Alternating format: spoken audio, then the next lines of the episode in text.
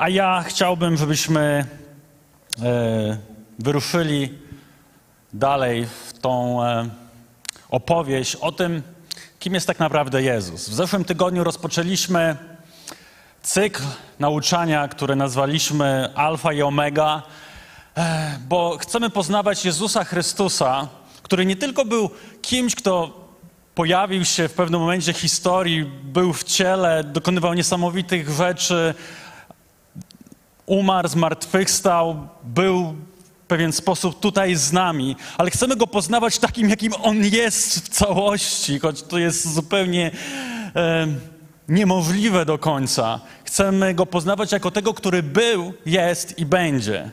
Tego, który sam o sobie w pewnym momencie na kartach Księgi Objawienia mówi, że jest alfą i omegą, że jest początkiem i końcem. Chciałbym, byśmy dzisiaj przeczytali troszkę na sam początek dłuższy fragment Słowa Bożego z Ewangelii Jana z ósmego rozdziału.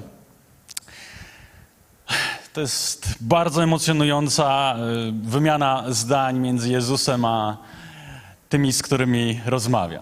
Większość kazań Jezusa to były rozmowy. To mnie bardzo wciąż konfrontuje. Czytamy tak. Gdy to mówił, wielu z niego uwierzyło. I właśnie do tych Żydów, którzy uwierzyli, Jezus powiedział: Jeśli wytrwacie w moim słowie, to istotnie jesteście moimi uczniami. I poznacie prawdę, a prawda was wyzwoli. Odpowiedzieli: Jesteśmy z rodu Abrahama i nigdy nie byliśmy niczyimi niewolnikami. Jak możesz mówić, staniecie się wolni? Jezus na to ręczę i zapewniam, każdy, kto grzeszy, jest niewolnikiem grzechu. Niewolnik opuści kiedyś dom, w którym służy, syn jednak pozostanie w rodzinie na zawsze. Jeśli więc syn was wyzwoli, będziecie naprawdę wolni. Wiem, że, że, jesteś z rodu Abrahama, lecz usiłujecie mnie zabić, gdyż nie ma w was miejsca dla mego słowa. Mówię to, co widziałem u ojca, i wy też czynicie to, co słyszeliście u waszego ojca. Odpowiedzieli mu, naszym ojcem jest Abraham. Gdybyście byli dziećmi Abrahama, zauważył Jezus, postępowalibyście tak jak Abraham. Wy natomiast chcecie mnie zabić. Człowieka, który powiedział wam prawdę usłyszaną od Boga. Tego Abraham nie czynił. Wy postępujecie tak jak wasz ojciec. Powiedzieli mu, my nie urodziliśmy się z nierządu, mamy jednego ojca, Boga. Jezus na to, gdyby Bóg był waszym ojcem, darzylibyście mnie miłością, ponieważ ja wyszedłem od Boga i oto jestem. Nie przyszedłem bowiem od siebie samego, ale On mnie posłał. Dlaczego nie rozumiecie tego, co mówię? Dlatego, że nie jesteście w stanie słuchać mojego słowa. Waszym ojcem jest diabeł i to jego rządze chcecie zaspokajać. On od początku był mordercą i nie wytrwał w prawdzie, ponieważ w nim nie ma prawdy. Kiedy kłamie, przemawia własnym językiem, gdyż jest kłamcą, a nawet ojcem kłamca, kłamstwa. Mnie natomiast, ponieważ mówię prawdę, nie wierzycie. Kto z was może mi dowieść grzechu? A jeśli mówię prawdę, dlaczego mi nie wierzycie? Kto jest z Boga, słucha słów Bożych. Wy nie słuchacie dlatego, że nie jesteście z Boga. Życie odpowiedzieli mu, czy nie mamy racji, że jesteś Samarytaninem i masz demona? Jezus na to, ja nie mam demona, ale czczę mego Ojca, a wy mnie znieważacie. Ja natomiast nie szukam własnej chwały, jest ten, który jej szuka i sądzi. Ręczę i zapewniam, jeśli ktoś zachowa moje słowo, na wieki nie ujrzy śmierci. Wówczas Żydzi powiedzieli, teraz jesteśmy pewni, że masz demona. Umarł Abraham i prorocy, a ty mówisz, że, jest, że jeśli kto zachowa twoje słowo, nigdy nie umrze. Może przewyższasz naszego ojca Abrahama, który umarł, albo proroków, którzy również poumierali. Za kogo ty się uważasz? Jezus odpowiedział: Jeśli ja sam siebie otaczam chwałą, moja chwała jest niczym. To mój ojciec otacza mnie chwałą, ten, o którym mówicie, że jest waszym Bogiem. Nie rozpoznaliście go, ale ja go znam. A gdybym powiedział, że go nie znam, gdybym byłbym takim samym kłamcą jak, jak wy. Ja jednak go znam i zachowuję jego słowo. Abraham, wasz ojciec, był bardzo szczęśliwy, że zobaczył mój dzień. Zobaczył też i ucieszył się. Żydzi powiedzieli więc do niego: Nie masz jeszcze pięćdziesięciu lat, a widziałeś Abrahama? Wówczas Jezus odpowiedział: Ręczę i zapewniam, zanim powstał Abraham, ja jestem. Wtedy chwycili za kamienie, aby rzucić w niego. Jezus jednak ukrył się i wyszedł ze świątyni. I teraz, Boże Duchu Święty, prosimy Cię, otwieraj nasze oczy, otwieraj nasze dusze, byśmy rozumieli Twoje słowo. Amen. Nie wiem, czy poczuliście ten poziom emocji. Starałem się do, dodać te emocje, ale pewnie nikomu z nas by się nigdy nie udało. Nie byliśmy tam, nie wiemy, jak to do końca wyglądało. Nie wiemy, jak Pan Jezus do końca mówił. Ja, ja jak czytam ten fragment po raz któryś w życiu, to widzę te emocje. Widzę, że ta rozmowa to jest rozmowa na bardzo wysokim poziomie. E, gdzie, gdzie czuć tą atmosferę, czuć, że to jest, e, że to się podnosi. W zasadzie zdanie po zdaniu e, okazuje się, że ta rozmowa jest w stanie pójść na jeszcze wyższy poziom emocji. To nie jest kłótnia, ale to jest bardzo poważna e, konwersacja. Dziś takich rozmów w zasadzie nie obserwujemy najczęściej, no chyba że w naszych domach. E, raczej publicznie to tylko mamy skojarzenia z politykami, że ze sobą potrafią rozmawiać w ten sposób, chociaż myślę, że oni już dawno poprzekraczali wszystkie granice. E, ale były takie czasy, kiedy ludzie e, byli bardzo zafascynowani tego typu rozmowami innych ludzi ze sobą. Jeszcze w XIX wieku można czytać o, o tym, jak e, filozofowie ze sobą rozmawiali na uniwersytetach. Ludzie przychodzili jak na stadiony, żeby posłuchać tej wymiany zdań. E, później byli naukowcy, to też w pewnym momencie w kulturze było widoczne. Tak jak mówię, dzisiaj może jeszcze na sprawach sądowych czasami można coś takiego zaobserwować, albo jeśli kto lubi, to na bitwach hip-hopowych. Ja lubię. Wciąż. Ale wracając do tego fragmentu, bo ten fragment, choć napisany ponad 2000 lat temu, tak naprawdę, kiedy znowu go czytałem, myślałem sobie, jest bardzo współczesny. Jest bardzo współczesny. Dotyka całej masy kwestii, a w zasadzie dotyka kilku kwestii, które dzisiaj są tak bardzo aktualne. Bo czytamy, że tu jest wciąż powtarzający się temat tożsamości, tego, kim jestem, kim jesteśmy. To jest temat, z którym my wszyscy na co dzień się stykamy.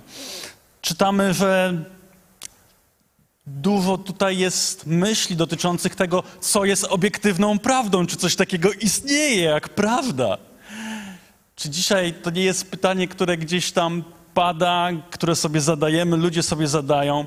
Ten tekst też mówi o tym, co jest, czym jest największe zmaganie w historii świata, co jest największym zmaganiem ludzkości. I często być może nawet sobie nie uświadamy, że to są pytania, z którymi na co dzień tak naprawdę żyjemy, które gdzieś są e, jak w tle tych wszystkich rzeczy, które obserwujemy na Netflixie, albo tych wszystkich relacji i tego życia, które e, śledzimy niektórzy na TikToku. To są te same tematy. To się nic nie zmieniło. One są i będą, bo są tematami naszego życia.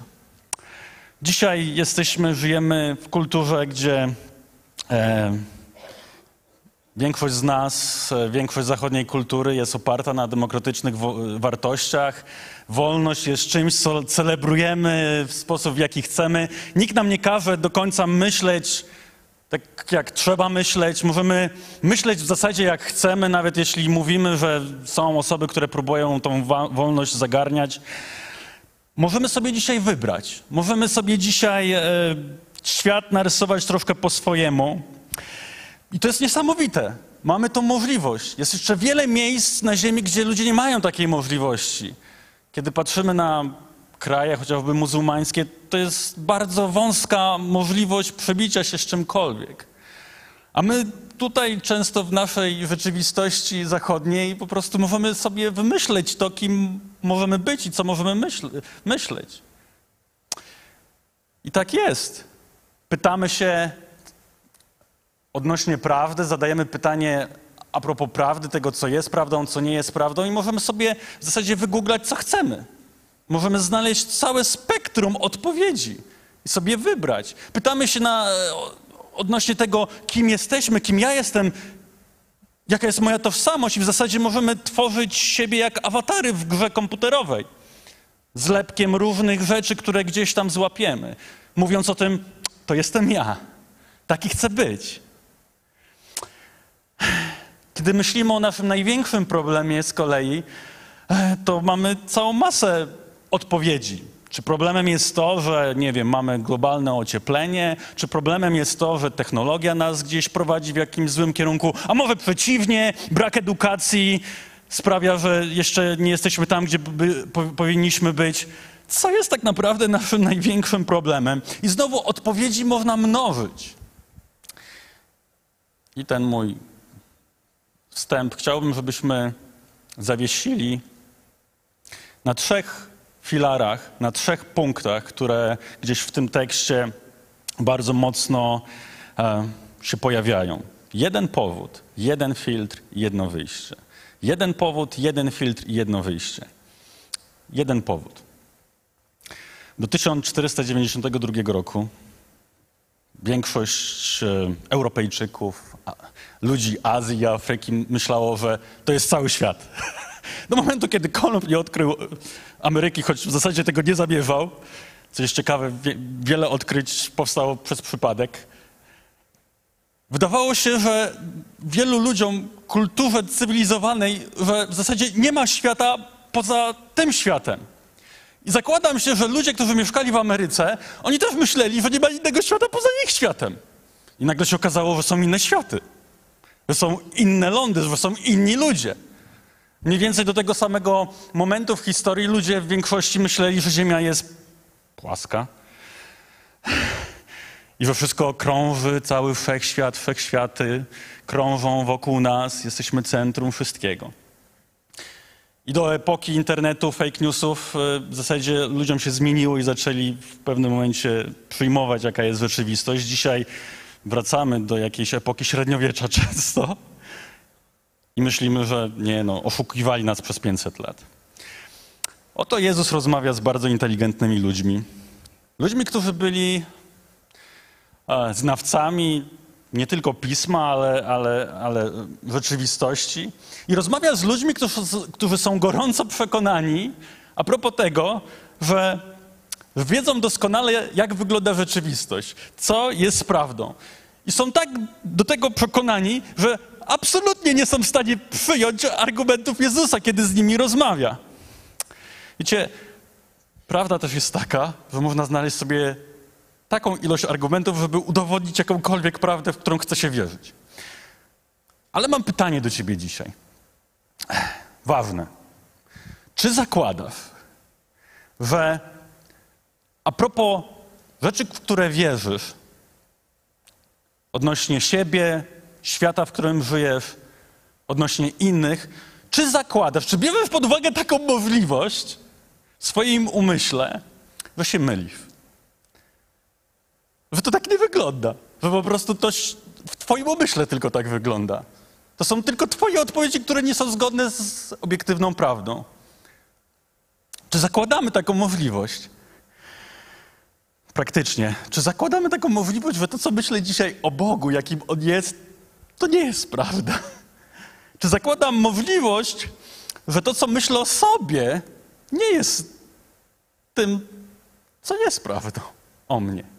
Zakładam o ty, że mogę się mylić a propos mojego sąsiada? Czy zakładasz taką możliwość, że mylisz się odnośnie tego, co się dzieje w Twoim ciele? Co się dzieje gdzieś na poziomie rzeczy, z którymi się zmaga w swoim ciele?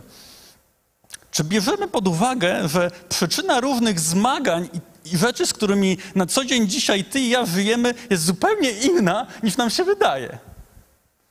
Czy bierzemy pod uwagę taką możliwość?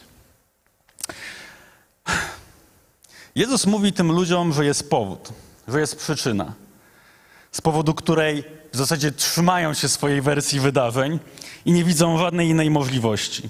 I mówi im, nie chodzi o pochodzenie, choć oni akurat mieli wszystkie powody, żeby mówić, że mają najlepsze. Problemem nie jest to, że Jedni są bogaci, drudzy e, są biedni, inni mają mniej, inni mają więcej. Problemem nie jest to, że jest jakiś taki czy inny rząd, tacy czy inni panujący. Problemem nie jest to, że oni jeszcze wtedy nie mieli tego problemu, że się ziemia przegrzewa. To rzeczy są wtórne. Powodem powodów, przyczyną przyczyn, problemem problemów, mówi Jezus, jest rzeczywistość grzechu. I fakt tego, że każdy z nas, który przyszedł na ten świat, rodzi się w rzeczywistości, w której panuje grzech. List do Rzymian mówi, że grzech wszedł na świat, a wraz z nim śmierć. I kiedy my rodzimy się w tej rzeczywistości, jesteśmy zanurzani. I paradoksem tego wszystkiego jest to, że w zasadzie nie wiemy, że jesteśmy zanurzani w tej rzeczywistości. Ta rzeczywistość sprawia, że wszystko dostaje się jakby do środka. Żyjemy w rzeczywistości, która jest skażona. I my sami jesteśmy skażeni. Niektórzy z nas do tego stopnia, że nawet nie jesteśmy w stanie przyjąć tego, że coś z nami jest nie tak. Najczęściej nie widzimy, że problemem największym jest to, co się dzieje we mnie samym, co się dzieje w środku. To, że myślę tak, jak często myślę, że myślę źle, że wybieram źle, że mm, dzieją się różne rzeczy. Nie zakładamy często takiej możliwości, że jest jakaś siła, która jest we mnie i ona powoduje, że tak naprawdę to, co gdzieś się dzieje na poziomie moich myśli, zaczyna wydobywać się z mojego wnętrza w postaci słów, w postaci czynów, w moim indywidualnym życiu, a potem to się wszystko przekształca i kumuluje w życiu społecznym. Także temat cierpienia, temat wojen, to wszystko jest pokłosie tego, co wypływa tak naprawdę z nas, tej siły, która jest w nas, która nas trzyma indywidualnie, a w szerszym ujęciu społecznie. Wiecie, Jezus stara się wytłumaczyć to tym ludziom jakimiś sensownymi metaforami, tak żeby oni załapali w końcu. I używa bardzo kontrowersyjnego stwierdzenia, mówiąc o niewoli. I oni są w takim miejscu nieumiejętności przyjęcia faktów, no bo pomyślcie sobie, oni żyją pod zwierzchnictwem Rzymu. Oni są w pewien sposób zniewoleni przez inne państwo. I oni cały czas nawet tej rzeczywistości nie są w stanie zaakceptować. A Jezus mówi, używając tej metafory, że tak naprawdę żyją w niewoli. Wiecie, to tylko wskazuje na to, że można tak pójść daleko, tak w swojej interpretacji świata się zapędzić, że nie widzimy rzeczy tak oczywistych. Wszyscy to widzą. Wszyscy widzą, że z czymś tam się zmagam. Wszyscy widzą, że e, z czymś sobie nie radzę, ale ja jestem już tak niewidomy w tym wszystkim, że nie jestem w stanie tego zauważyć. Moja żona to widzi, mój sąsiad to widzi, mój szef pracy to widzi. Wszyscy to widzą, tylko ja tego nie widzę. Jak to jest możliwe? Współczesna kultura i często nawet współczesne nauczanie, również w kręgach chrześcijańskich, zaczyna wykluczać taką możliwość, że istnieje siła, która jest tak dewastująca. Mówienie o grzechu staje się jakimś takim, właśnie jakbym jakiegoś tekstu ze średniowiecza używał. A okazuje się, że to jest coś, czego często nie jesteśmy w stanie nazwać, a Biblia mówi o tym, bo, bo, bo wie, czym to jest. Wie, z czym my się najbardziej zmagamy. Wie, co jest naszym największym problemem, największym zmaganiem ludzkości. Jezus wiedział te rzeczy i dla mnie ten moment, kiedy mówi, że wy chcecie mnie zabić, jest niesamowity, bo oni jeszcze na to nie wpadli, że chcą go do końca zabić. Pomyślcie sobie, on widział, że w nich jest taki potencjał, że ta siła jest w nich po prostu tak silna, tak mocna, że oni nawet jeszcze sobie tego nie uświadomili, a on widział, że koniec końców będzie jak taki wyzwalacz w pewnym momencie, który on dotknie i ta siła się odezwie i oni naprawdę będą chcieli go zabić. Chociaż oni mówią, że oni nie chcą. To jest paradoks. Nie wiem, czy oglądaliście, ja już wspominałem ostatnio, film Oppenheimer. Tam jest taka scena, tylko jedna, rozmawia on z Einsteinem. To już jakby nie ma bardziej wielkich mózgów w historii świata. Prawdopodobnie. I oni patrzą na jakąś karteczkę, na której był zapisany jakiś wzór kosmiczny i w pewnym momencie patrzą się na siebie i oni przez te liczby nagle zrozumieli, jaki potencjał drzemie w tym, do czego doszli. I dokładnie Jezus tutaj to im pokazuje, jest taki w nas często potencjał. Wystarczy tylko mały wyzwalacz często, żeby się okazało, co tak naprawdę w nas drzemie. Trigger, tak się ładnie mówi po, po angielsku. Wyzwal, wystarczy tylko czasami, nie wiem, najczęstszy przykład z codzienności, żeby było łatwiej. Zajeżdża ci drogę inny kierowca. Nie włączył kierunkowskazu. Oni nigdy nie włączają kierunkowskazu. Ja się zastanawiam. I nagle z, jechałeś, wszystko było dobrze, zajechał ci drogę i nagle w twoim i moim umyśle często po prostu powstają takie myśli odnośnie tej osoby i takie słowa zaczynają się wydobywać z, twojej, z twojego ust a propos drugiej istoty ludzkiej, jakbyś chciał ją przekląć na wieki. Pomyślcie sobie, wystarczy mała rzecz, która wyzwoli tą siłę w nas. I jesteś w stanie słowami, myślami, wszystkim w zasadzie wyskoczyć, jesteś w stanie z tego samochodu i pobić tą osobę. Bo ci zajechał drogę.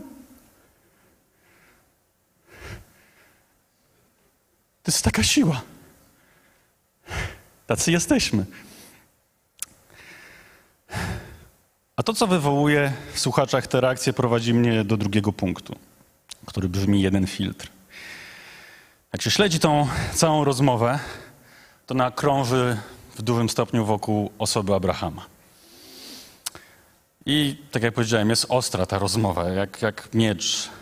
I w pewnym momencie Jezus ich szachuje, bo jakby chyba już nie chce tej rozmowy do końca prowadzić, ale albo chce ich doprowadzić do jakiegoś miejsca i, mówi takie słowa. Zanim był Abraham, ja jestem. Znaczy, nie wiem, czy on skierował tak palec, myślę, że nie, ale zanim był Abraham, ja jestem. I w tym momencie Jezus jakby wcisnął właśnie ten, ten taki wyzwalacz w nich. Po prostu nacisnął czerwony przycisk, czar, czerwona płachta na byka po prostu i się otworzyło. I się okazało, co tam w środku drzewia. Bo kiedy Jezus to mówi, to tak naprawdę On mówi i oni to rozumieją, że on mówi o tym, że jest tym samym, który pewnego dnia w historii objawił się Mojżeszowi. Pamiętacie być może tą historię, która często się jest nazywana, kiedy Mojżesz spotyka Boga w płonącym krzaku, buszu, jakkolwiek. Coś, co się wydarzyło prawie 1500 lat wcześniej niż ta rozmowa. Czytamy o tym w drugiej księdze e, Biblii, że oto Bóg postanawia się objawić człowiekowi w niesamowitych okolicznościach.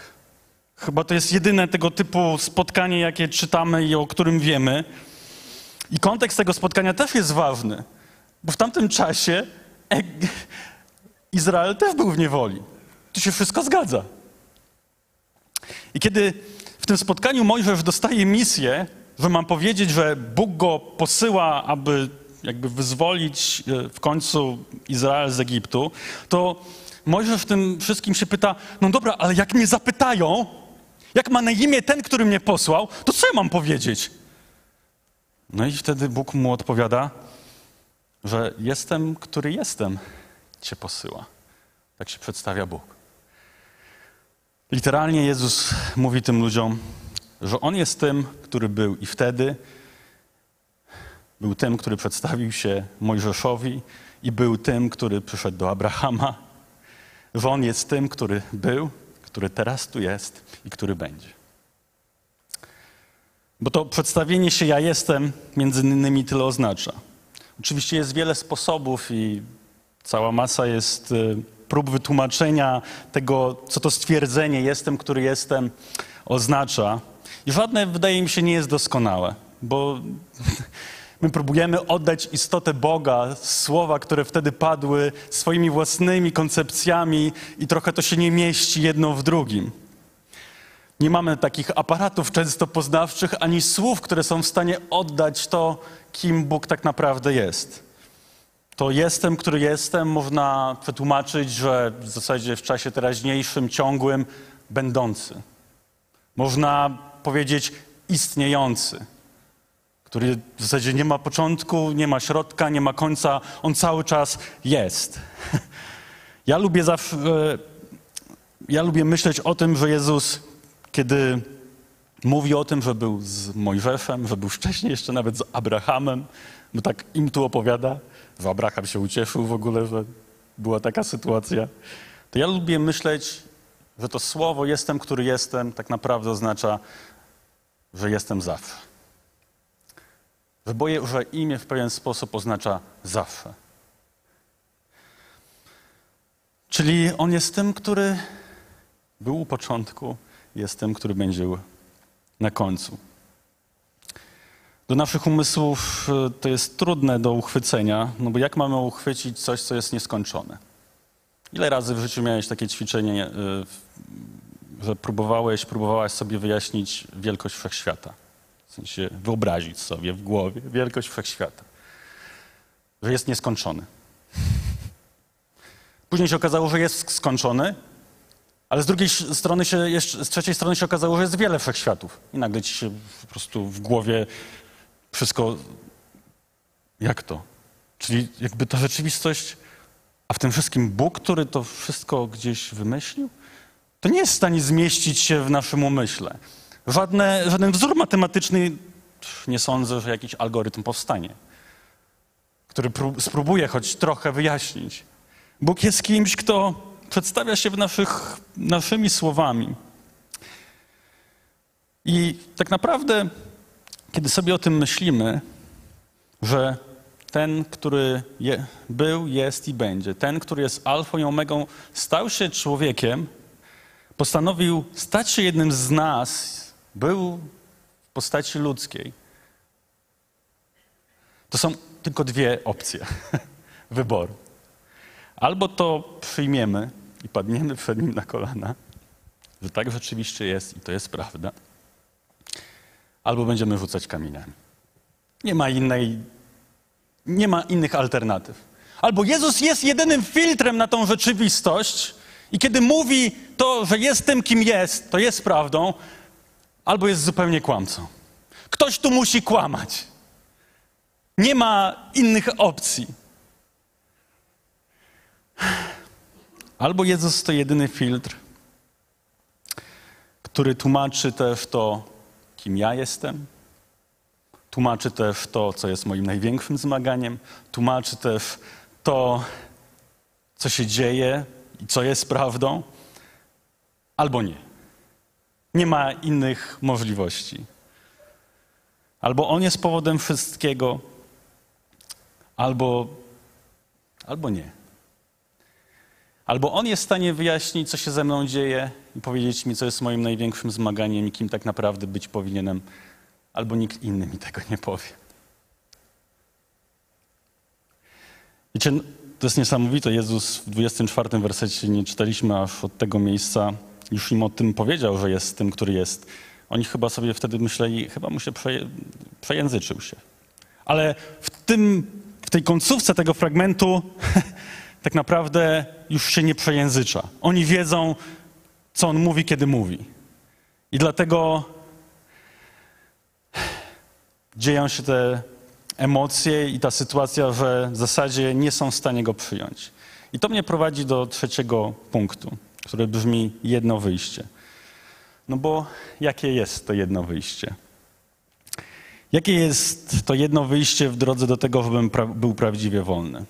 Żebym myślał i miał prawdę o sobie i o rzeczywistości. Jakie jest wyjście, żebym mógł być prawdziwie sobą? Żebym miał odpowiedź na to pytanie, kim tak naprawdę jestem? Żebym miał odpowiedź na pytanie, co się dzieje wokół mnie? Co jest największym problemem całego świata, całego wszechświata? Jaka jest odpowiedź na te wszystkie pytania? Jezus mówi tutaj kilka razy takie słowa. Poznacie prawdę, a prawda was wyzwoli, mówi Jezus. Jeśli wytrwacie w moim słowie, mówi Jezus, jeśli ktoś zachowa słowo mo- moje, mówi Jezus, to ja jestem, mówi Jezus. Jest jedno wyjście. Jest jedna prawda. Gdyby nie było grzechu, nie byłoby śmierci. Wraz z grzechem weszła śmierć. To jest skutek. I pewnego dnia on sam, choć być może niektórym się wydawało, że śmierć jest ostatecznością, że śmierć jest omegą, to okazało się, że przez to, że on, oddając swoje życie, zmartwychwstał, że jest ktoś, kto jest ostatecznością, że ostatecznością nie jest śmierć. I że jest ktoś, kto ma autorytet nad moim największym problemem, bo sam się z nim rozprawił, kiedy rozprawił się ze śmiercią.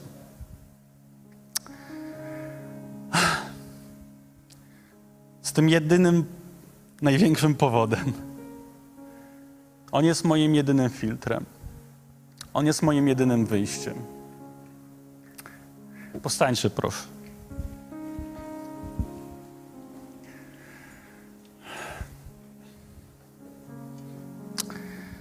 Jestem, który jestem, alfa i omega, początek i koniec. Ja jestem prawdą. Jeśli poznasz prawdę, prawdziwie wolny będziesz.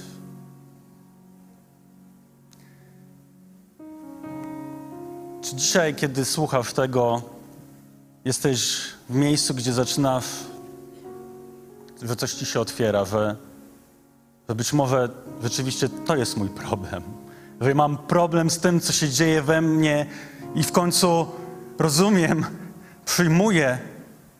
Bóg mi otwiera teraz oczy, że tak naprawdę mam problem z tą siłą, która we mnie drzemie, którą Biblia nazywa grzechem, która niszczy mnie od środka, która wpływa na moje słowa, która powoduje tak wiele głupich decyzji i która sprawia, że ludzkość wciąż tak naprawdę zmierza w kierunku samozniszczenia.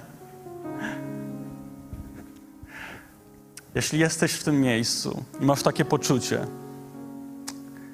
a z drugiej strony słyszę, że Jezus mówi: Ja jestem tym, który jest w stanie cię z tej niewoli wyswobodzić. Jeśli jesteś na tym miejscu i chcesz dzisiaj po prostu przyjąć tą prawdę, że to On w zasadzie jest tą prawdą, że On jest tą wolnością, że On jest tym wyjściem, że On jest tym, który jest, że On jest alfą i omegą, że On jest tym, który pewnego dnia przyjdzie. Jeśli Jezus jest dzisiaj tym, czego pragniesz, podnieś swoją dłoń.